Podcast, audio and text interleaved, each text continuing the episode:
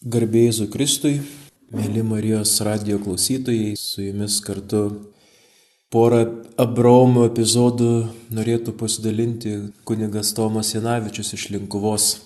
Tai būtų pradžios 15 skyriaus pasakojimas, kur Abraomas kažkuria prasme mato Dievo per viziją naktyje, tuomet, kai visai nieko nesimato. Ir tik Tuomet, kaip sako tekstas, Abromas gali matyti Dievą. Kiek niurokas ir pats komentaras ir pati situacija, nes tai palies kažkuria prasme ir mūsų pačių tikėjimo tamsumas, kurias patiriam mes kaip kiekvienas žmogus ir tikintysis. Antrame epizode paliesiu Abromo antrąjį epizodą, tai iš 18 skyriaus pradžios knygos su taip vadinamomis, bent jau mano taip įsivaizdavimo, garsiosiomis Abromo dėrybomis. Tas tekstas netiek rodo Dievą tiesiogiai, o rodo tam tikrais aspektais. Apreiškia Dievo tokio veido, kurį Abromas mato tik apgraibomis, o gal tiksliau tik tais galim sakyti jaučia. Taigi pradėsim nuo pradžios 15 skyriaus, skaitom ir žiūrėsim esmę. Po šių įvykių viešpatie žodis atėjo regėjimo metu. Jis tarė, nebijok Abramai, aš esu tavo skydas, tavo atpildas bus labai didelis. Bet to Abromas atsakė viešpatie Dieve, kas man iš tavo dovanų, nes aš lieku be vaikis ir mano namų įpėdinis yra damaskietis Eliezaras. Abromas pridėjo, palikonio man nedavėjai, todėl vergas gimęs mano namuose bus mano įpėdinis. Ir štai atėjo jam viešpatie žodis, tas nebus tavo įpėdinis. Tavo paveldėtojas gims iš tavęs paties. Išvedęs į laukan tęsė, pažvelk į dangų ir suskaityk žvaigždės, jei gali ją suskaityti. Tada jis tarė jam, taip gausus bus tavo palikuonis. Jis patikėjo viešpačiu ir tai jam viešpats įskaitė teisumu. Tuomet jis tarė jam, aš esu viešpats, kuris išvežiau tave iš kaldėjų ūro, kad duočiau tau šį kraštą kaip paveldą Viešpatie Dieve jis paklausė, kaip pažinosiu, kad jį paveldėsiu. Jis atsakė, parūpink man treigę telyčią, treigę ošką, treigį aviną, purplelį ir jauną balandį. Jis visus juos parūpino, perkirto per vidurį ir suguldė pusės vieną priešais kitą, o paukščių pusiau neperkirto. Plėšrieji paukščiai leidosi ant skirdienos, bet Abrahamas juos nuvaikė. Sauliai leidžiantis, Abrahamą apėmė didelis miegas ir jį apgaubė didelė baisi tamsa. Tuomet viešpats tarė Abrahamui, tu turi žinoti, kad tavo palikonis bus ateiviai, ne savo krašte.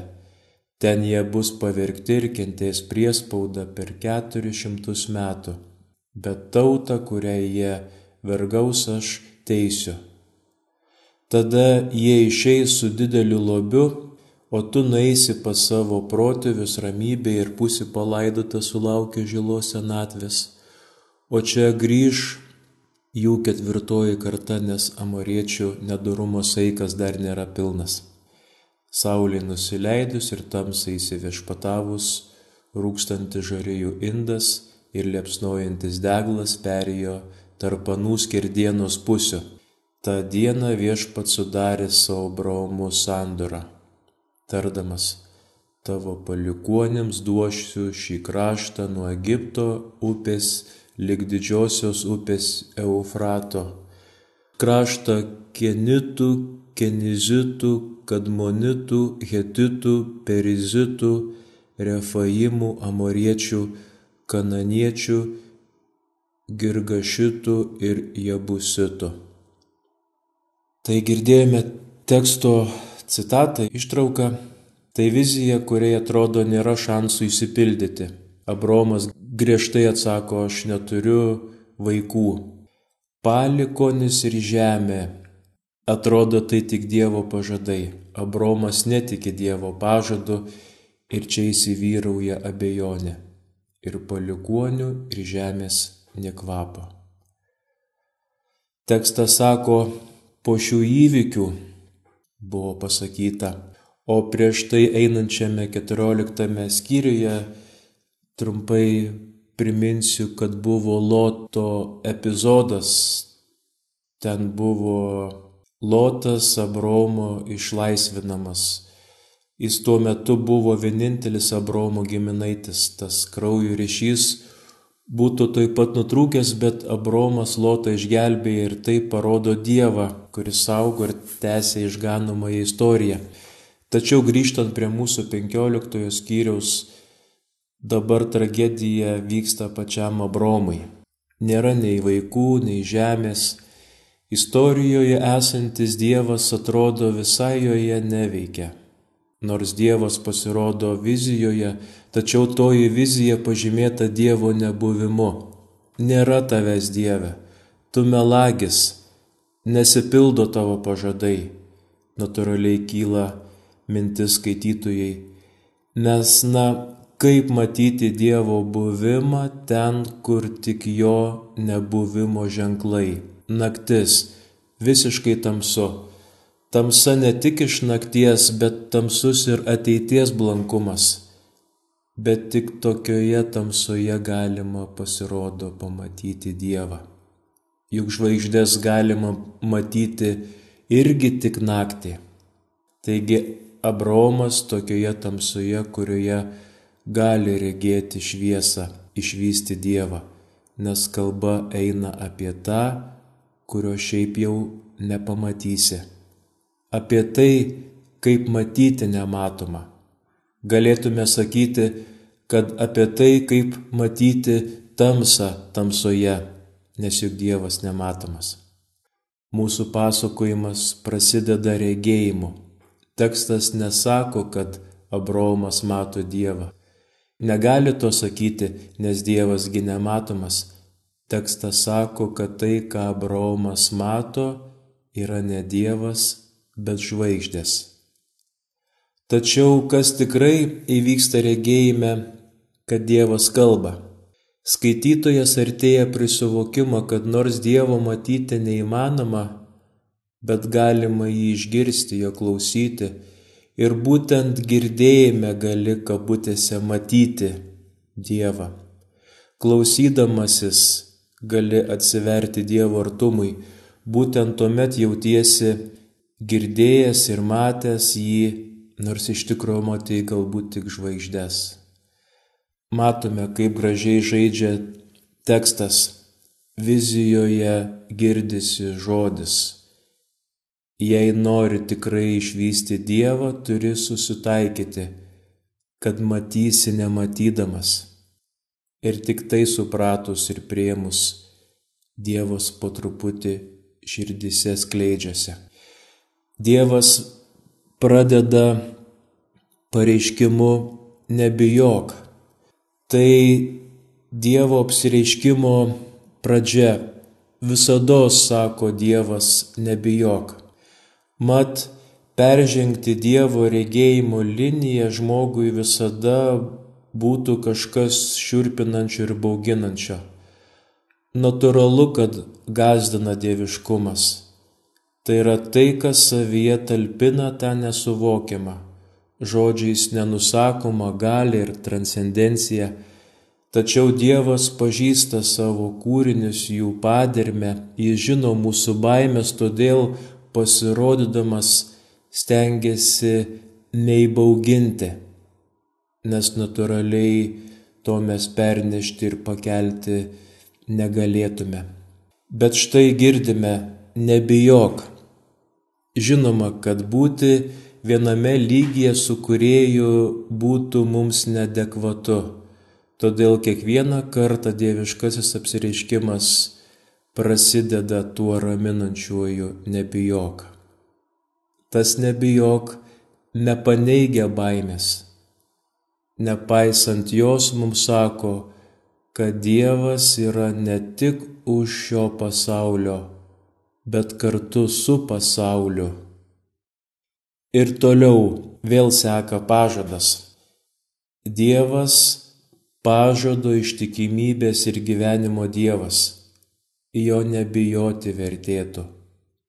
O Bromui vis tiek atrodo, kad realybė ir duotas pažadas nesutampa, jiedu tarsi prasilenkia. Dievas pažada Abromą saugoti, būti su juo, laikytis duoto pažado, kad Abromų ainyje būtų skaitlinga, bet tuo metu pačiam Abromui tikrovė sako, kad Dievo nėra, todėl jo pažadai nesipildo. Abromas skundžiasi, kad neturi palikonių, kad neturi nieko. Čia ir uždavinys - matyti nematomą, matyti realybę kad Dievas atseit nesilaiko pažadų ir vis tiek toje realybėje matyti Dievą, kuris kažkokiu būdu duotą pažadą vis tiek išpildys. Visa tai negali įvykti kitaip, kaip tik su tikėjimu, aklai pasitikint. Ir štai Dievas duoda pažadą, duoda ženklą. Dievo nesimato, bet ženklas matosi. Išeik, ir pabandyk suskaičiuoti žvaigždes. Tokie nesuskaičiuojami bus ir tavo vaikai. Žvaigždės tai Dievo buvimo ženklas, nors jaučiame, kad tas ženklas būtų ne kažką, jei nesistengtume išvelgti to, kas už jų. Išėjęs Abromas iš pradžių ir regi tik žvaigždės. Kaip Abromui pamatyti, kad Dievas laikysis svaiginančio pažado. Žvaigždės juk negarantas. Žiūrėk į žvaigždės, tai ženklas, sako Dievas. Bet ženklas kieno? Ar tikėti Dievu tik dėl to, kad nesuskaičiuojama žvaigždės? Mozė irgi norėjo ženklo, kad patikėtų, jog jis bus Izraelio išlaisvintojas iš Egipto. Mozė norėjo patvirtinimo, kad tikrai turi suorganizuoti tautos išvedimą, bet jam buvo atsakyta, kad ženklas ir bus, kai jūs išeisite iš Egipto. Matome, kad Dievas duoda nuorodas ir tikėjimą jomis, net kai ženklas atrodo niekinis. Netiesa, kad ženklai gilina tikėjimą. Greičiau tikėjimas ženklą maitina ir jį atskleidžia, stiprina. Taip ir čia. Žvaigždės tampa ženklu tik dėl to, kad Abromas tiki. Kad išvystų žvaigždės, Abromas turi sutikti išeiti iš palapinės, iš saugios zonos, kartu tai tarsi reiškia išeiti ir iš savo vien tik menkų perspektyvų matymo. Tai reiškia pažvelgti plačiau.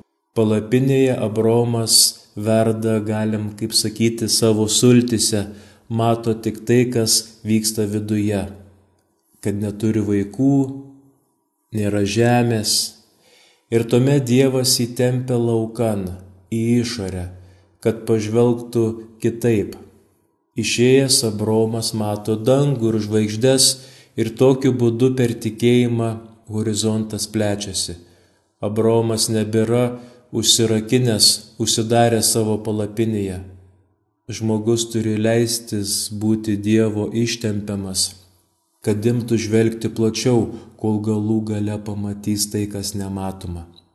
Taigi žvaigždės, kurios neįmanomai rodo į būsimus ainius. Be to išėjimas iš palapinės į tamsą taip pat sėtinas ir su išėjimu iš urde chaldėjai krašto. Viskas čia paženklinta tamsa ir tikėjimu. Išeiti iš saugios žemės taip pat buvo iššūkis, kaip ir dabar išeiti iš palapinės. Tai pasitikėjimo aktas, tai salto į tamsą, avantūra. Šioje vietoje pažadama žemės paveldėjimas, kurio Bromas turi patikėti. Tačiau kaip patikėti, kai ir žemės ir vaikų nesimato? Tai primena mums padalintų per pusę gyvulių įvykį. Dievas ir čia pereis per vidurių kaip ugnies vakelas ir taip ištesė savo pažadą. Toks būdas stiprus, nes apieiga perpjauti gyvulius per pusę ir pažymėti ugnimi reiškia, kad tai, kas pažadėta, abipusiai turi būti išpildyta. Ir jei pažadas nebūtų išpildytas, tegul jo davėjai nutiks kaip tiems gyvuliams. Būtent šitaip ir įsipareigoja Dievas. Ne Abraomas pereis tarpės kerdienos, o Dievas ir ugnis. Tad Dievas čia iškilmingai pasižada laikytis duoto žodžio. Vadinasi, apieiga su mėsa ir gyvuliais kalba labai stipriai. Tai konkretus įsipareigojimas. Aišku, visur išliks ištikimybė ir būtinybė pasitikėti, kad Dievas laikysis duotojo pažado. Abromo atveju įsipareigojimas apima žemę ir ainius. Ir tie ainiai bus, bet neišvengiamai bus persekiojami. Pažado žemė irgi bus, bet joje atsiras ir kitų tautų. Abromas bus vėl priverstas tikėti ir matyti nematomą, tad jis turi žengti į nematomą ateitį, pažadėtą ateitį, kuri prieštarauja realybei tam, kas matoma, tam, su kuo teks užaugti Abromo tautai. Taip, gyvybės taip pat bus bet bus ir žiaurios mirties, tremties metai, bėgimo iš Egipto patirtis, visiška priešginystė, net baisu lyginti dar ir su tuo, ką žydų tauta išgyveno ir Hitlerio laikais. Taip pat atsiras didžiulė graži žemė, nuo upės lyg upės, tavo palikuonėms aš duosiu ir šitą šalį, bet įskaitant ir visus kenitus bei kitas tauteles, sako viešpats. Ir čia vertimo klausimas, ar tauta pažadėtųjį visas gentis gaus kaip paveldą, ar jos tiesiog eis šalia tos pažadėtosios tautos, kebloka. Tekstas kaip ir dažnai dviprasmiškas. Dievo pažadas taip pat kontroversiškas, paradoksalu. Bet Dievas pažada gyvybę, bet paženklinta mirties. Pažada kraštą, bet su ten jau gyvenančiomis tautelėmis, dėl kurių šis kraštas niekada iki galo nebus visiškai savas. Tai štai ką reiškia matyti nematomą ne tik išeiti į tamsą, bet tikėti ir leisti vykti toms gyvenimo prieštaroms. Tikėjimas būtinas, kad atrastume Dievą kaip gyvybės genijų, bet kartu ir lydimą prieštarų. Toks va būtų penkioliktasis pradžios knygos skyrius, Abromo epizodas, tamsokas, Tokia mūsų tikėjimo patriarcho Abraomo kelionė, kurios keliauninkais neišvengiamai esame ir mes. Tęsėme toliau pradžios 18 skyriumi, gal kiek mums žinomesnis, girdėtas, šiek tiek smagesnis, sakyčiau, nors aplinkybės nebūtinai smagios Sodoma ir Gomora. Čia paliesime esminę temą - Dievo teisingumą. Per Abromo tarpininkavimą atskleidžiamas įspūdingas Dievo veidas. Dievas parodomas teisingas, bet ne žmonių teisingumo principais, jo paties teisingumo principu. Tai Dievą atskleidžiantis, parodantis tekstas, tikrasis Dievo veidas, tas, kurį Abromas kabutėse įspiečia į kampą, kad atsivertų. Ir kai imi gilintis, tai kieno nosiai toks būtų malonumas apskritai išspiesti Dievą į kampą. Susipažinkime su siužetu. Sodomos miestas, kuris nusidėjėlių miestas ir Dievas nusprendė įsikišti kaip teisėjas. Dievas turi sunaikinti nusikaltusi miestą, nes teisingumas reikalingas net ir per bausmę, kurios tikslas atskleisti, kad su blogiu nesutinkama. Ir tas blogis, kuris čia reiškiasi, yra nugalėtas Dievo, kuris už blogį be abejo stipresnis. Blogis sunaikinamas. Dievas teisėjas, kuris imasi teisingumo. Sodoma buvo bloga, tegul mato, kad blogis tai savidestrukcija, savęs naikinimas.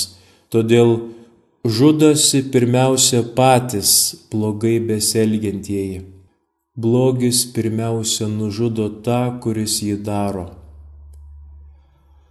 Kokia Dievo kaip teisėjo schema? Parodyti, koks blogis iš tiesų yra. Čia turbūt tiktų garsusis principas akis už akį, dantis už dantį. Jei yra kaltė, reikia atitinkamos bausmės. Akis už akį, o ne dvi akis už vieną ir atvirkščiai. Mat teisingumas pagal šį principą ganėtinai tiksliai saugomas, kad būtų atitinkamumas. Pagalvokim apie mirties bausmes, kurių dar pasaulyje dėja yra. Iš esmės, įstatymo akis už akį esmė yra gera. Tai neleidžia per didelio keršto, siekia tiesiog gražinti teisingumą. Taigi Dievas nusprendžia sunaikinti tuos miestus, kurie skendo nuodėmėse ir tuo ketinimu pasidalina su Abraomu kaip savo kabutėse draugeliu. Ir nuo čia prasideda mūsų pradžios knygos 18 skyriaus tekstas jūsų dėmesiui. Iš ten tad du vyrai pasuko ir ėjo Sodomos link. Tuo tarpu Abromas pasiliko stovėti prieš viešpatį. Abromas priejo arčiau ir tarė, argi iš tikrųjų pražudysi teisųjį su nedoreliu.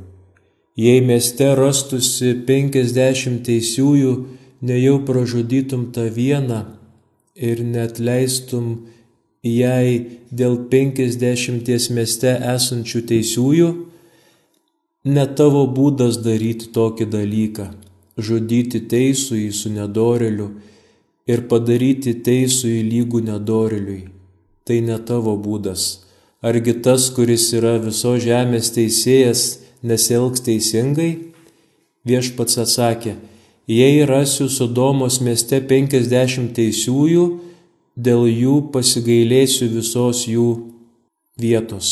O Bromas vėl tarė, štai kaip drįstų kalbėti viešpačiui būdamas dulkė ir pelenai, o jeigu trūktų penkių, lik penkiasdešimties teisiųjų, argi dėl tų penkių sunaikintum visą miestą? Jis atsakė, nesunaikinsiu, jei rasiu ten keturiasdešimt penkis bet jis vėl jam kalbėjo sakydamas, o jei rastusi ten keturiasdešimt, jis atsakė, dėl keturiasdešimties to nedarysiu. Ten nesupykstant manęs viešpats jis tarė, jei aš vėl kalbu, o jei ten rastusi trisdešimt, jis atsakė, to nedarysiu, jei ten rasiu trisdešimt. Jis tarė štai, kaip drįstų kalbėti viešpačiui, o jei ten rastusi dvidešimt, Jis atsakė, dėl dvidešimties jo nesunaikinsiu. Tuomet jis tarė, ten nesupykstant manęs viešpats, jei dar kartą kalbėsiu, o jei ten rastusi dešimt. Jo nesunaikinsiu dėl dešimties, jis atsakė. Baigęs kalbėti su Abraomu, viešpats nuėjo savo keliu, o Abraomas parėjo į savo gyvenvietę. Ir žinom, ką po to tekstas sako, kad visgi Sodoma buvo sunaikinta. Tų dešimties taip ir neatsirado teisiųjų. Koks tobulas tekstas. Dievas viską pasakė Sabromui, steptelį ir laukė pastorių reakcijos. Prieina arčiau ir prasideda gražios dėrybos. Pabandykim suprasti. Abromas užtarė, kad miestas išliktų sąskaita tų, kurie jame dar geri, ir skaičius vis mažinamas, 50, 45, 40, 30, 10. Taip vis keliamas Dievo gailestingumo lygis. Kuo galimai mažiau nekaltųjų suskaičiuos, tuo didesnis Dievo gailestingumas. Iš esmės tekstas provokuoja pastebėti nesuvokiamą Dievo gailestį.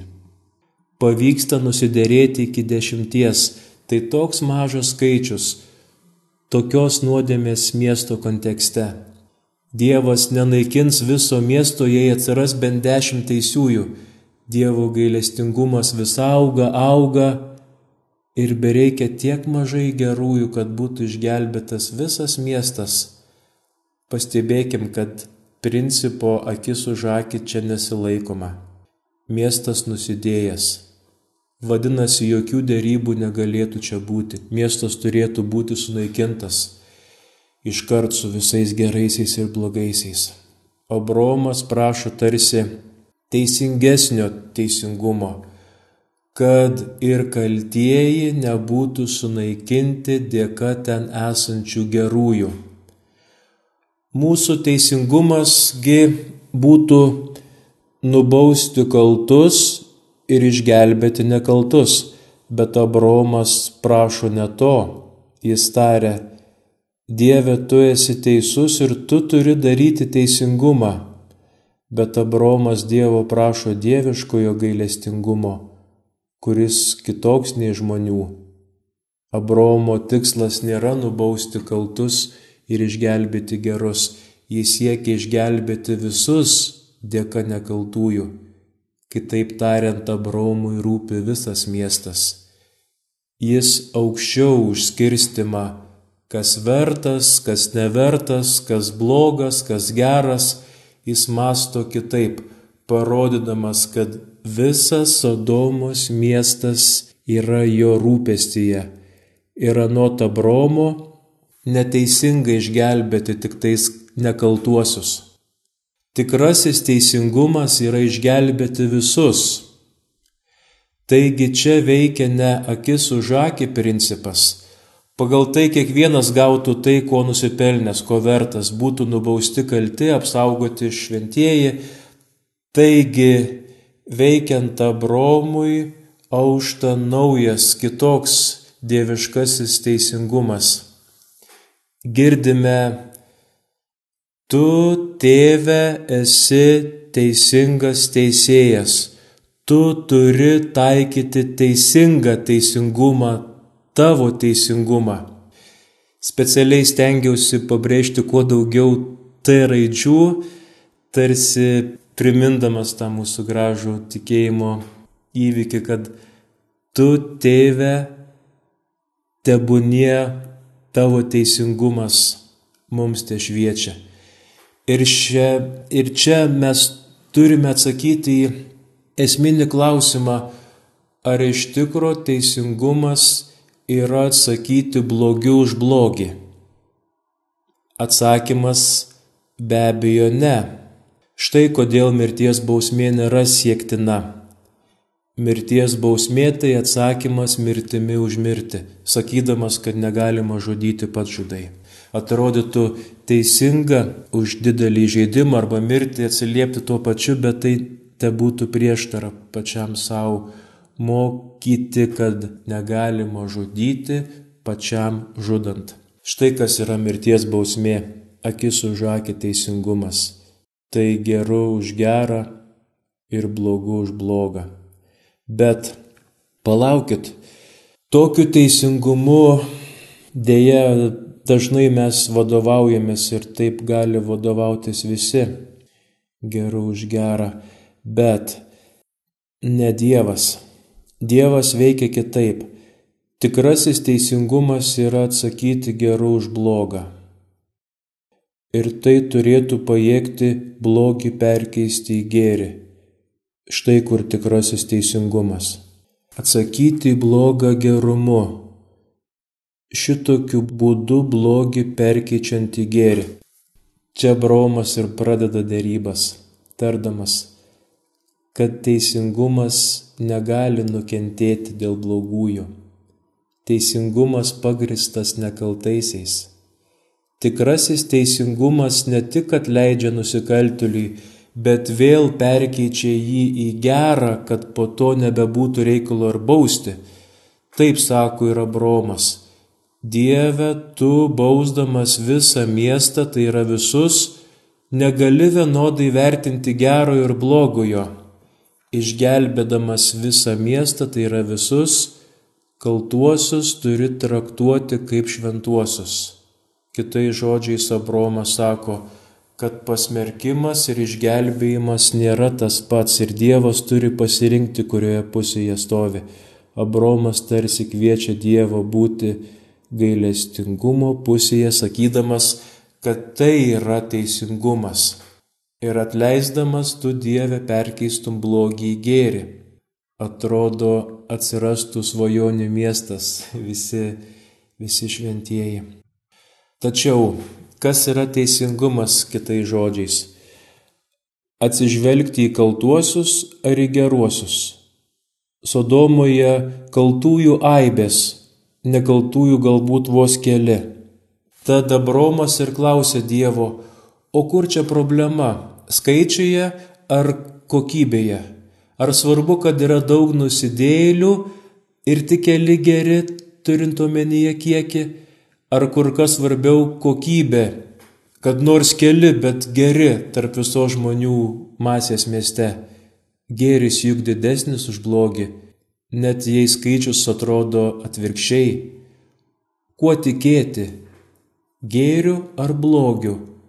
Ar blogis galingesnis? ant ko statomas teisingumas? Ar mažas gėris gali būti stipresnis už didelį blogį?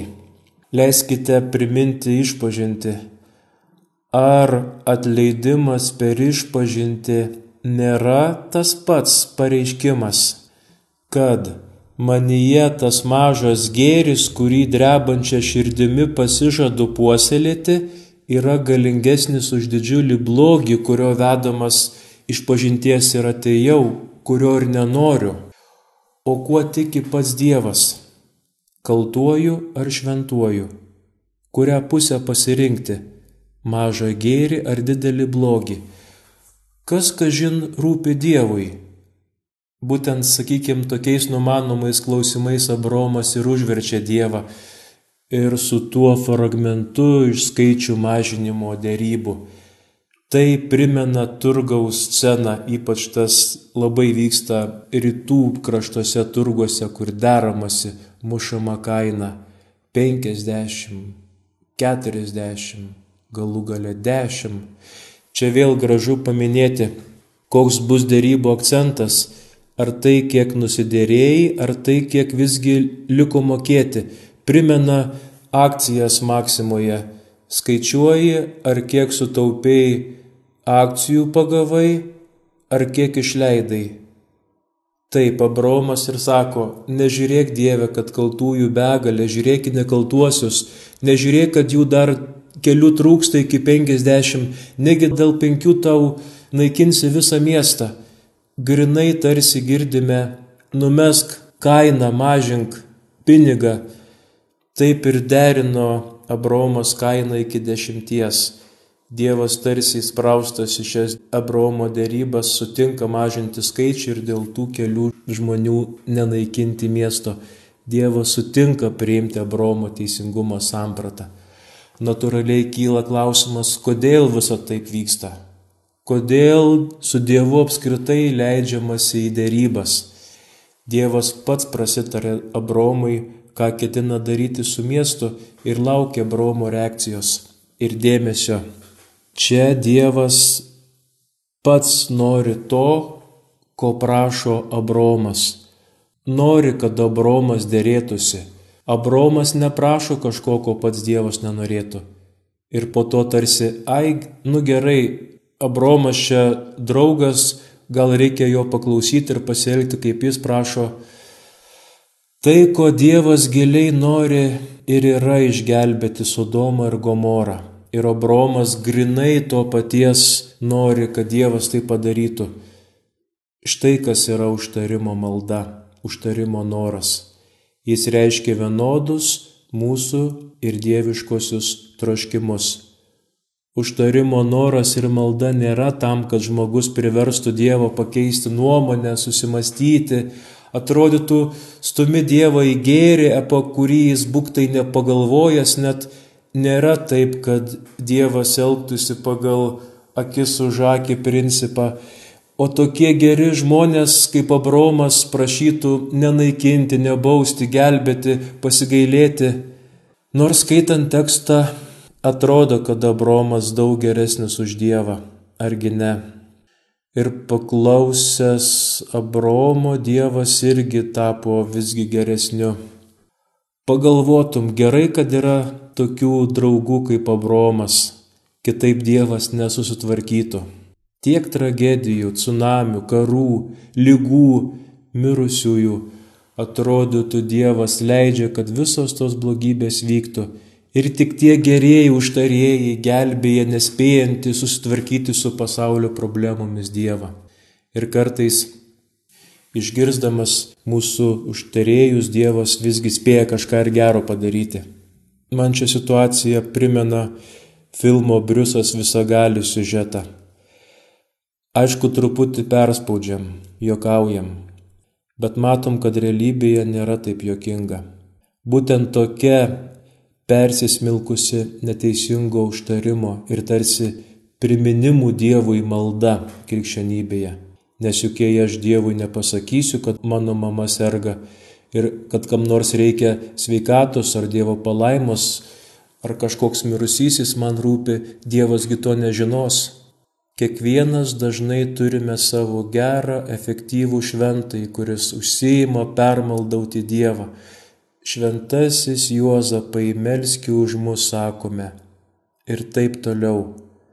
Viskas čia būtų gerai bet čia tokia plona linija išeiti į nebiblišką ir neteisingą Dievo paveikslą, į mūsų kabutėse užtarimų maldas.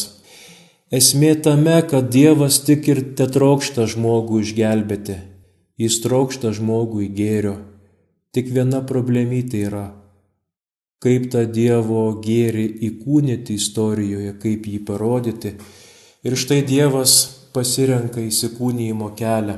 Ir svarbu, kad nutiktų taip, kad Dievo gėrio troškimas įsikūnytų mūsų istorijoje per žmonės, kurie kaip ir Dievas trokšta gėrio. Tai ir būtų tikrasis užtarimas - savo žodžiu įgarsinti Dievo valią, įgarsinti Jo gėrio troškimą, širdį, duoti kūną ir kraują, jėgas. Dievas nori gelbėti Sodomą, Ir štai atsiranda Abromas, kuris atiduoda žodį, širdį ir kūną tam Dievo troškimui įsikūnyti. Abromas pats įmasi įgarsinti tą Dievo troškimą, tampa balsu tam, kad Dievas galėtų įeiti į žmonijos istoriją. Štai kodėl Abromas prašo to, ko nori Dievas - kad nekaltieji, į kuriuos remiasi, išgelbėtų miestą. Dievo prašoma ne nebausti miesto, nes tai būtų visai beprasmiška ir blogis klestėtų toliau, bet prašoma išganimo. Tikrasis išgelbėjimas vyksta tuomet, kai kaltieji nustoja daryti blogą. Žinoma, mieste privalo būti tas gėrio daigas, nuo kurio Dievas galėtų atsispirti, gelbėdamas visus ir perkeisdamas blogį. Čia ir pasirodys Dievo didingumas. Gėrio žilmen žmonėse nebus, Todėl jis pats taps gėrio pradmeniu, pats taps tuo nekaltuoju, kuris išgelbės miestą ir visą žmoniją. Įsikūnijęs Dievas taps daigu, į kurį žiūrėdamas gali gelbėti visą pasaulį. Toks yra tarpininkų vaidmuo. Turi būti tomis gėrio oazėmis, gėrio troškimo salelėmis, ten, kur veiktų Dievo troškimas gelbėti, kuris taptų realybę nebesausa teorija, toks ir yra Bromo vaidmuo Sodomos epizode - atskleisti žmonėms Dievo valią. Taigi Sodomoje lieka tik atrasti tą gėrio daigą, o kadangi jo nėra, paradoksalus epizodas - drama. Jame atsiskleidžia užtarimo būtinybė. Abromas, kuris trokšta išgelbėti Sodomą, dėrybose turi sustoti ties dešimtimi. Jei neatsiras dešimties nekaltųjų, tada ir pats dėrybininkas turės sutikti, kad Sodoma turi būti sunaikinta. Abromas, kuris atiduoda visą save siekdamas parodyti Dievo gailestingumą, tas, kuris sako, kad miestą būtina gelbėti, tampa tuo, kuris sutinka naikinti miestą, jei neatsiras sutartas žmonių teisiųjų skaičius. Tačiau, kaip žinome, Sodoma vis tiek buvo sunaikinta, nes nekaltųjų nebuvo. Tam pačiam Abromai dabar jau teko nuleisti rankas. Iš vienos pusės skaičius dešimtis galėjo reikšti, kad turi būti dešimt narių tam, kad pavyzdžiui malda būtų galiojanti, Galbūt dėl to dėrybos ir sustoja ties šiuo skaičiumi, nors iš tikro nežinau tikslaus atsakymo, kodėl būtent dešimt. Tačiau esmė vis tiek lieka viena. Svarbiausia, kad mieste būtų bent kas nors švento. Tačiau Biblijos knygos per istoriją eina toliau. Iš tų dešimties Jeremijo knygoje tampa vienas būtinas Toje knygoje skaitome ieškokite, ieškokite, kad surastumėte nors vieną nekaltą ir per jį išgelbėsiu Jeruzalę. Taigi nuo dešimties jau nusileista iki vieno vienintelio, dėl kurio miestas dar galėtų būti išgelbėtas. Keliaujant dar toliau, jau Izaijo knygoje tas vienas, kuris išgelbėja miestą, tampa tuo, kuris išgelbėja visą pasaulį. Vienas nekaltasis išgelbėja visą žmoniją. Istorija galutinai įsipildanti Naujajame testamente su gimimu to vienintelio nekaltojo, kuriuo, kaip jau žinome, tapo pats Dievas. Tai buvo ir yra Dievo sunus, paukojęs kūną tam, kad būtų įkūnytas Dievo gailestingumas, gelbėja per atleidimą, kaltąjį perkečiantis į šventąjį. Toks gailestingumas yra Dievo, kurį mums atskleidžia pradžios knygos 18 skyrius. Turbūt nesitikėjome pamatyti tokį Dievą, tokį tėvo veido, kuris pilniausiai pasirodo per Velykas. Abromas, kuris išėjo iš palapinės, kuris matė žvaigždės, kuris sugebėjo pasitikėti Dievo siūstai ženklais, dabar iš tikrųjų yra palaiminimu visiems, tampa tuo, per kurį, jei tik norime, galime pamatyti tikrąjį gailestingumo kupiną Dievo veidą, kuris atleidžia ir gelbėja. Abromas, kuris pats matė Dievą, dabar leidžia jį matyti visiems, taip padovanodamas mums galimybę matyti nematomą. Ta nematoma, kuris per Velykas galutinai apsireiškia kaip tas, kuris kaip Abromas sustoja ir laukia, kol mes visi tapsime dėrybininkais, tarpininkais, užtarėjais, kad Velykų slėpinys mums visiems taptų superfinalu. Toks Abromas, kuriam bus patarta užmerkti akis prieš savo dramą ir daugiau nieko nematyti nes Dievas netrukus jam tars, imk savo sūnų, kurį myli, Izaoką ir jį paukok man.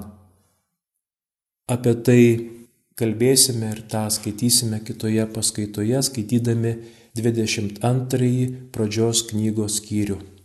Su jumis kartu kunigas Tomas Janavičius iš Linkuvos. Garbė Jėzui Kristui.